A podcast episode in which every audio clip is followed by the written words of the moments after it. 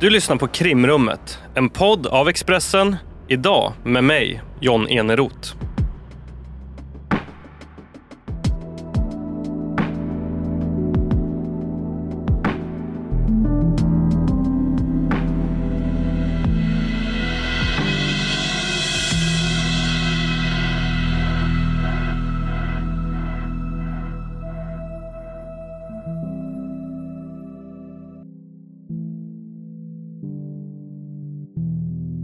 Abel har precis tagit över ett vattenpipcafé i Uddevalla.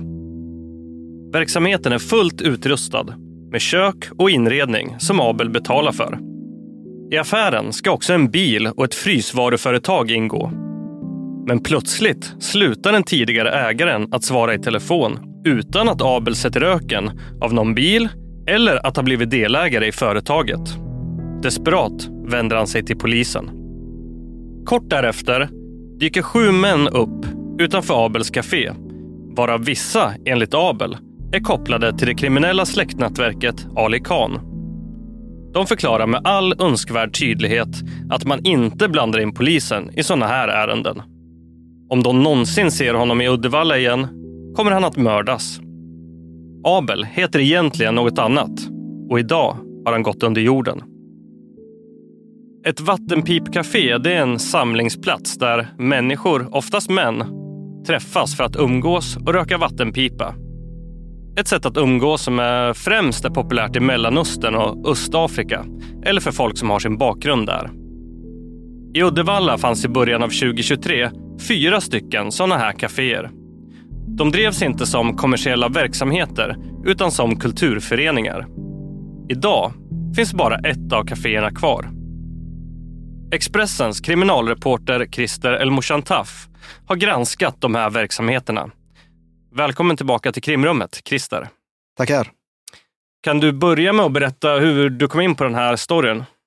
Ja, det här började egentligen efter ett tips om olika razzior som polisen och kommunen i Uddevalla då hade gjort i vintras mot ett par av de här vattenpipcaféerna. Och vid det laget hade kommunen och Länsstyrelsen anat oråd och fått tips om att det skedde olika former av oegentligheter i de här lokalerna Eh, Eh, och mycket riktigt då så hittades också saker i det här tillslaget som tydde på att saker och ting inte riktigt stod rätt till. Och i arbetet med det tipset som, som vi då fick så fick vi också nys om Abels historia och därifrån kan man säga att det utvecklade sig ganska rejält till en historia om brottslighet under radarn, eh, men också våld, hot och andra typer av kriminell verksamhet. Och du har nu skrivit ett reportage om det här som finns att läsa om man är premiumkund på Expressen. Och eh, du och jag har också gjort en tv-dokumentär som man kan titta på. Den finns faktiskt på Youtube nu också. Och det finns väldigt många ändar att börja i när man ska prata om Uddevallas vattenpipcaféer.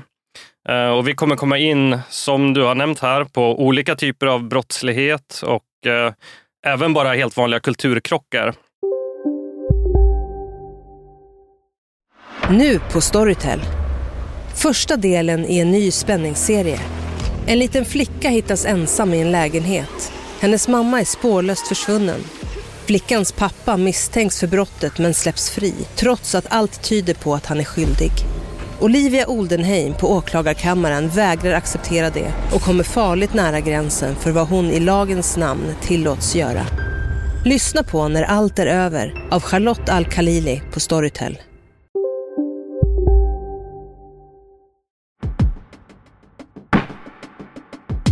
Men eh, vi kanske ska börja med den här personen som jag nämnde i introt. Abel, kan du berätta om honom? Abel är en man i 35-årsåldern som kom från Syrien eh, till Sverige för några år sedan. Och han var egenföretagare i sitt hemland eh, och efter att ha fått kontakt med landsmän i Uddevalla så valde han att fortsätta den karriären här. Då. Så han la egentligen sina besparingar på att köpa inventarier i ett av de här vattenpipkaféerna som, som bedrivs som en kulturförening till vardags. Då. Och det heter Al-Khaima.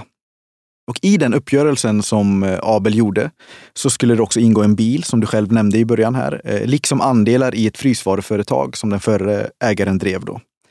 Men ganska snart efter att Abel hade hostat upp de här pengarna eh, så skedde en rad märkliga saker. Dels så såg han inte röken av den här bilen. Den dök liksom aldrig upp, som han hade köpt av sin kompanjon då. Och den här förre ägaren blev också allt svårare att få tag i.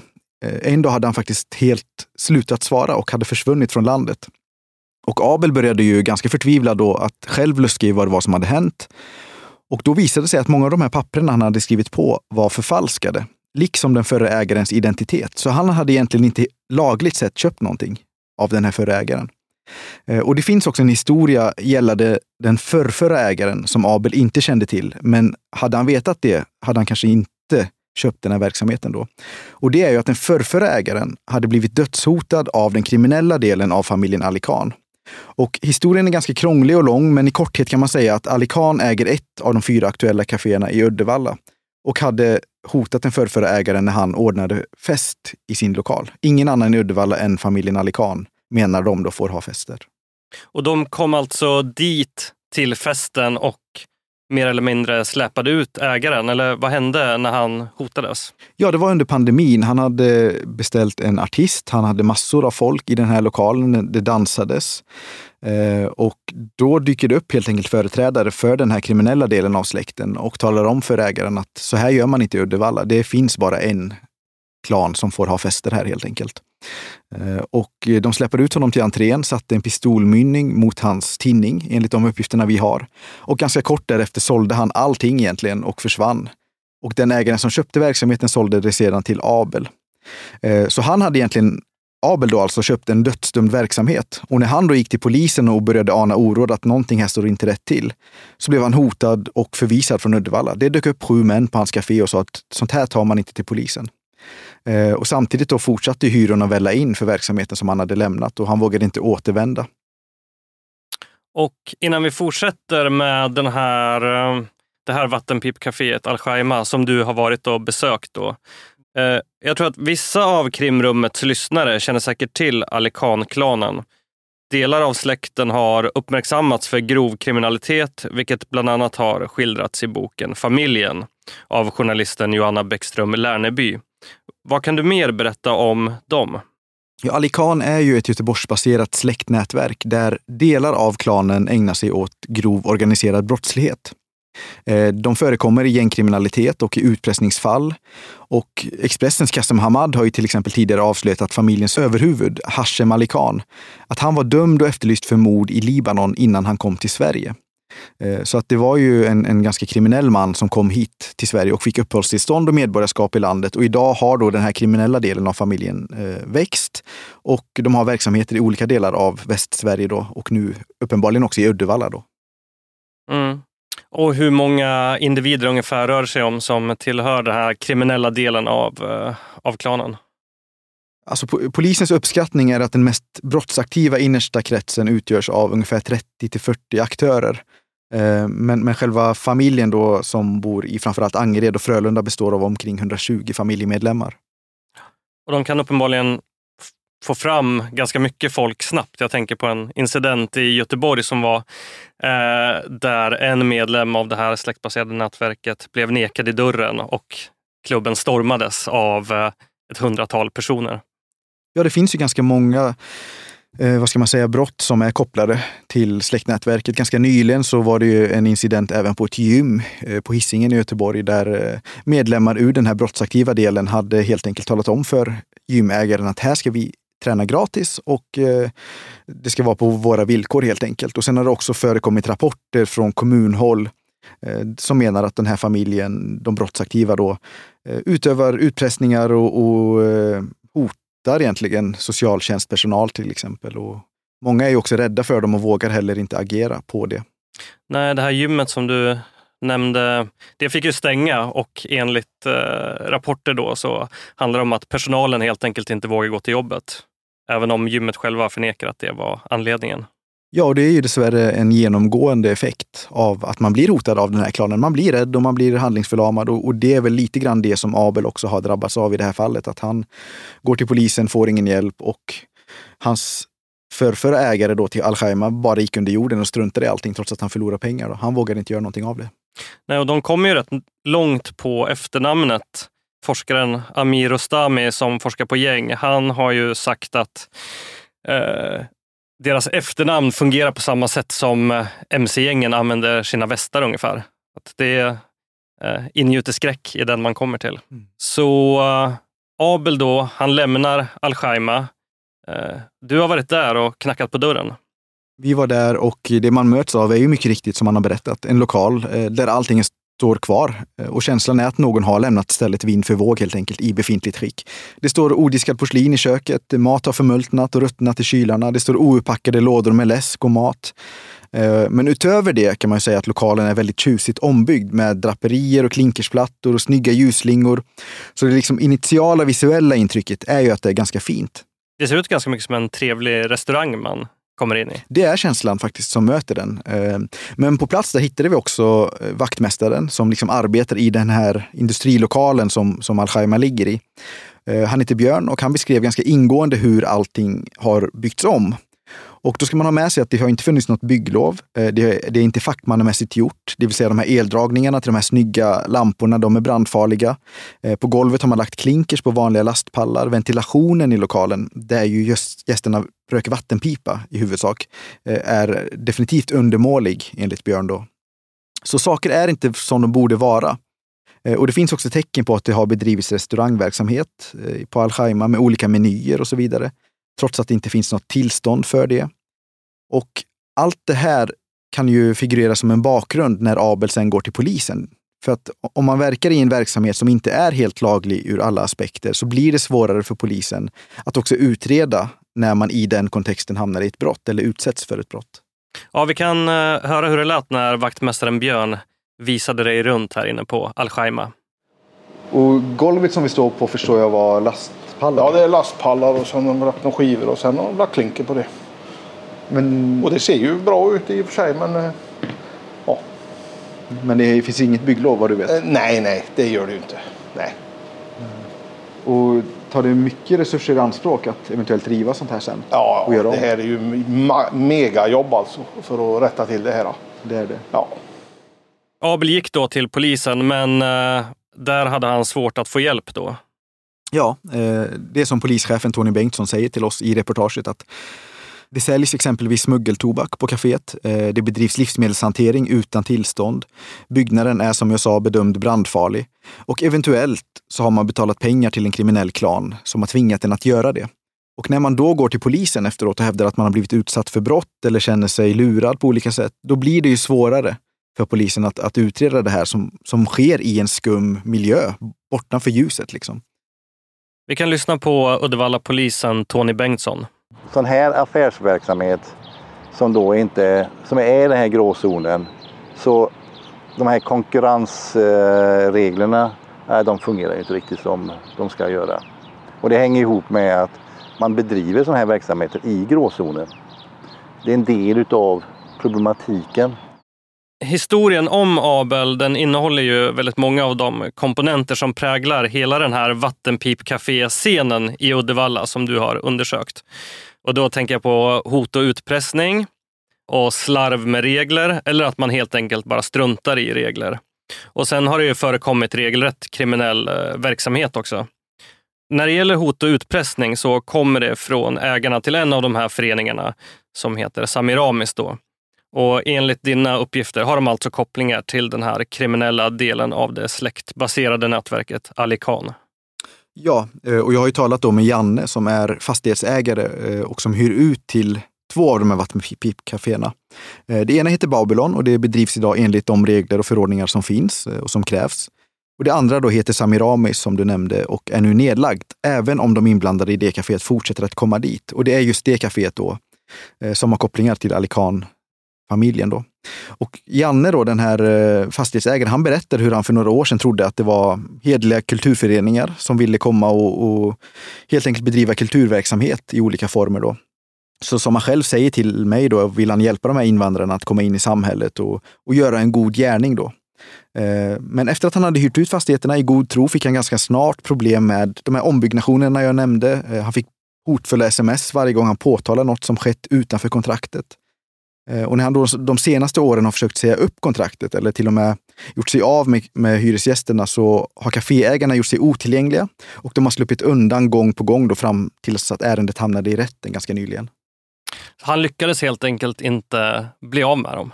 Nej, trots att han hade en delgivningsman och han skickade sms och han la fysiska brev så, så hävdade ju de då att de inte hade sett något sådant papper. Och det kunde ju också hjälpas med att det fanns bulvaner som stod som, eh, som ägare på kaféet eller som, som bedrev verksamheten trots att det egentligen var andra personer i bakgrunden som hade verksamheten. Och så här är det lite grann i ett, ett har andra också fattigpipcaféer, att man har en struktur som ska skydda de som verkligen har verksamheten. så att säga. De syns inte officiellt då. Nej. Och eh, som sagt, det första problemet han upptäckte med sina nya hyresgäster, det var det här att de byggde helt enkelt om lokalen typ till en eh, restaurangverksamhet fast de inte hade rätt att göra det. Ja, som vi sa med Al det är ju väldigt snyggt på ytan. Alltså, det ser ju fint ut och det är lampor som blinkar och det är snygga, som du själv sa, det ser ut som en restaurang. Men det är ju gjort utan tillstånd och det blir omöjligt för Janne att sälja vidare de här eh, lokalerna nu. Dessutom drar det ganska mycket el eh, och bara elkostnaderna för Janne är ju högre än vad han får in i hyra från de här gästerna. Så det har ju blivit en ren förlustaffär då, samtidigt som han då blir hotad eller aggressivt bemött varje gång han vill göra någonting åt det. Ja, vi kan ju lyssna på vad Janne säger till dig då i den här dokumentären vi har gjort. Du ångrar att du hyrde ut dem? Ja, ja herrejävlar. Hade jag bara lyssnat på, jag bara kompisar eller man kan ha hört sig för lite mer så hade det ju aldrig blivit något. Är du rädd då för vad som ska hända om dem nu? Nej, inte direkt så, det kan jag inte säga. Men eh, det, man funderar ju på om man ska behöva skaffa sig en uh, skottsäker väst nästan. Är det så du tänker? Ja, det är det faktiskt. Hej, Ulf Kristersson här. På många sätt är det en mörk tid vi lever i. Men nu tar vi ett stort steg för att göra Sverige till en tryggare och säkrare plats. Sverige är nu medlem i Nato. En för alla, alla för en. Vi är specialister på det vi gör, precis som du. Därför försäkrar vi på Swedea bara småföretag, som ditt. För oss är små företag alltid större än stora och vår företagsförsäkring anpassar sig helt efter firmans förutsättningar.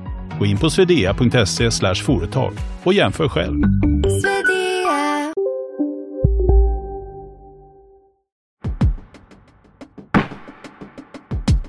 Ja, det är fruktansvärt att han känner den här, om inte rädslan så åtminstone oron. Och han, Janne, slår ju mig när vi träffas som en person som med goda intentioner i det här, så att säga, som har drabbats av eh, de här personerna. Men det ska också sägas så att Babylon, som jag nämnde, de, de bedriver nu sin verksamhet enligt de reglerna som finns. Vi, vi kanske återkommer till det lite senare här i podden, men det är skillnad också på vattenpipcafé och vattenpipcafé, vilket jag tycker ändå är viktigt att notera i det här fallet. Ja, precis. Vi kan återkomma till Babylon då, som vad det verkar eh, försöker driva en seriös verksamhet. Men det är inte bara Samiramis då och eh, Al-Shaima som har eh, kopplingar till kriminell verksamhet. Nej, Istar stängdes ju efter en razzia eh, någon gång i skarven mellan vinter och vår tidigare i år. Eh, det hittades enligt våra uppgifter då olagliga substanser i lokalerna och det fanns misstankar om andra typer av brottslighet som skedde i den lokalen. Och ägaren, eller han som bedrev verksamheten, försvann senare till Göteborg då efter att lokalen hade stängts ner. Eh, och Al-Khaima har ju då, som vi varit inne på, bedrivit icke tillståndsgiven verksamhet eh, och dessutom hamnat i fejd med Samir Amis där den förrförra ägaren dödshotades eh, i samband med att han ordnade fest i lokalen. Då. Och Ali Khan-företrädare hade ju dykt upp och sagt att så, så, gör man inte i Uddevalla, det är bara de som får anordna kalas i staden, som vi har varit inne på. Och det har också gjort att det har funnits konflikter mellan de här vattenpipkaféerna beroende på vem som äger dem. Då. Eh, och det har också jäckat polisen och de andra som, som har med de här verksamheterna att göra på olika sätt. Det finns också uppgifter om att prostitution ska ha förekommit i någon av de här lokalerna. Ja, vi har ju pratat med en mängd människor i det här ärendet. Eh, både folk som arbetar på Länsstyrelsen, Uddevalla kommun, tillsynsmän, eh, vi har haft en del poliskällor. Eh, grannar till de här verksamheterna och så vidare. Och så vidare.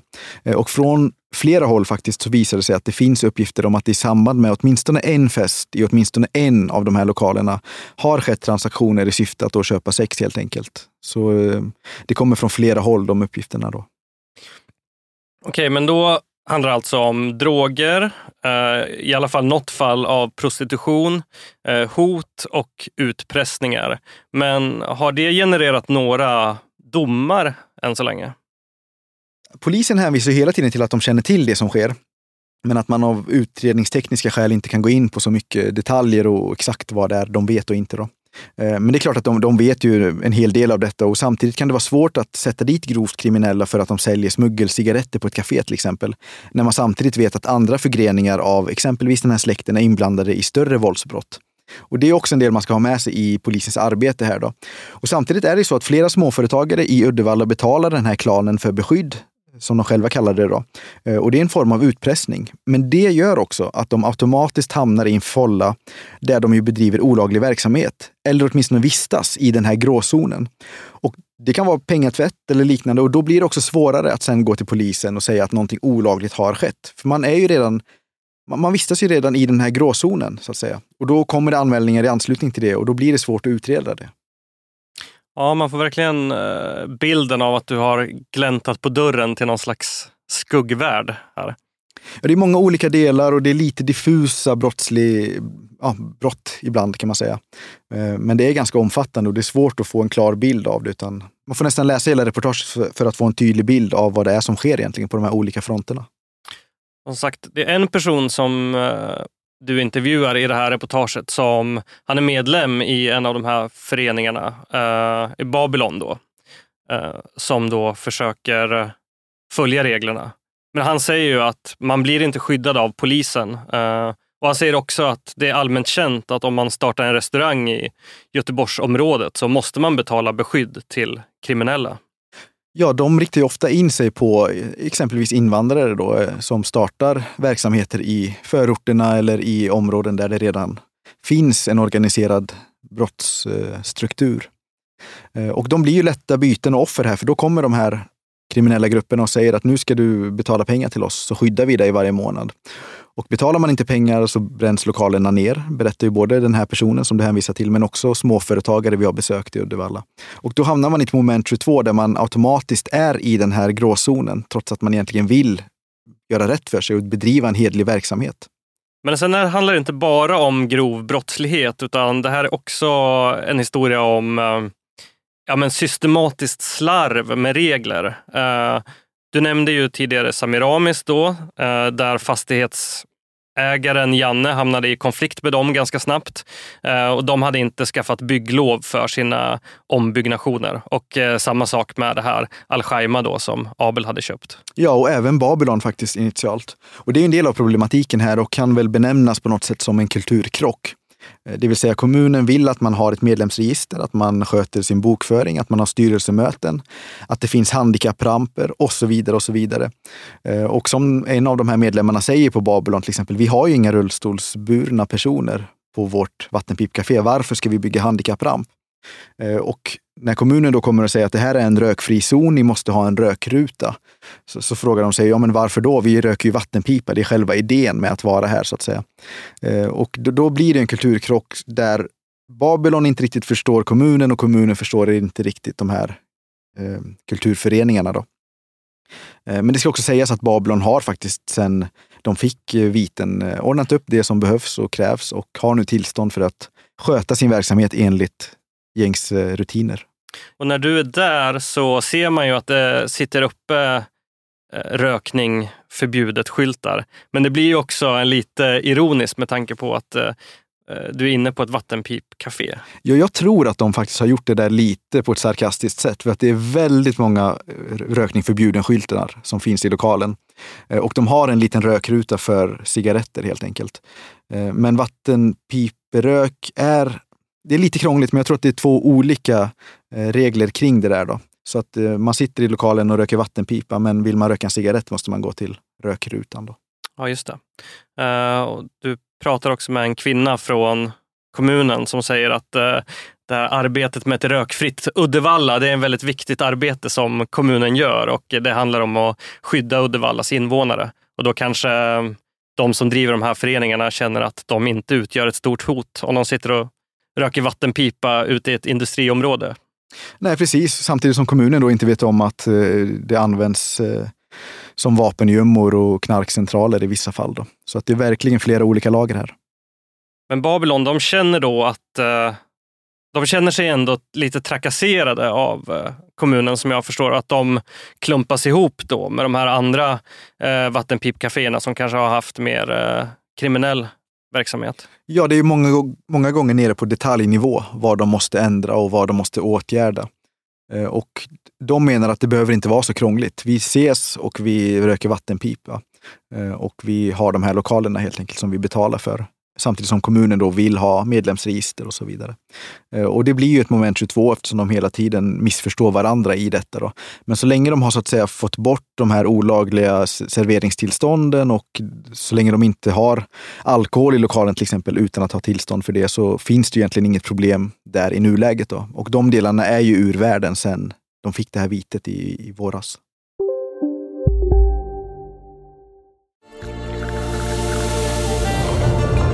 Välkommen till Maccafé på utvalda McDonalds restauranger med Baristakaffe till rimligt pris. Vad sägs om en latte eller cappuccino för bara 35 kronor? Alltid gjorda av våra utbildade baristor. En nyhet. Nu kan du teckna livförsäkring hos Trygg-Hansa. Den ger dina nära ersättning som kan användas på det sätt som hjälper bäst. En försäkring för dig och till de som älskar dig. Läs mer och teckna på trygghansa.se. Trygg Hansa. Trygghet för livet.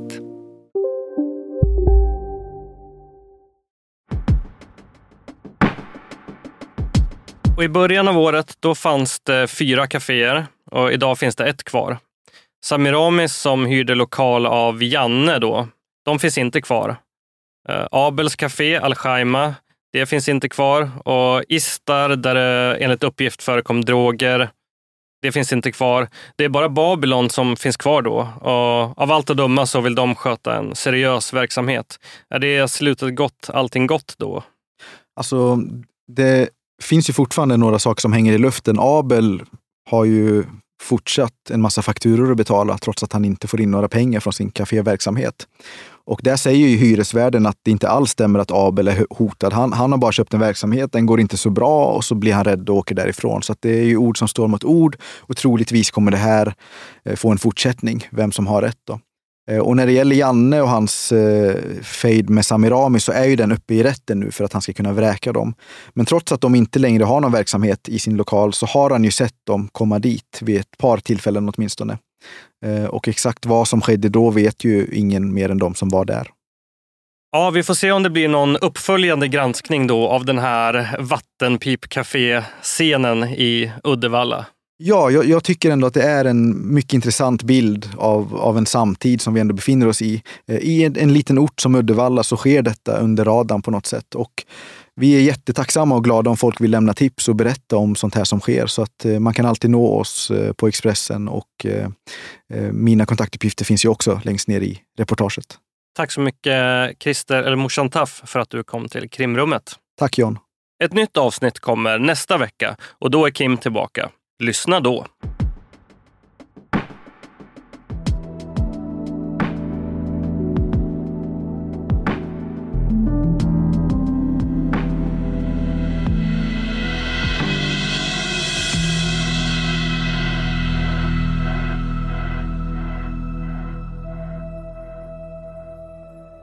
Du har lyssnat på en podcast från Expressen.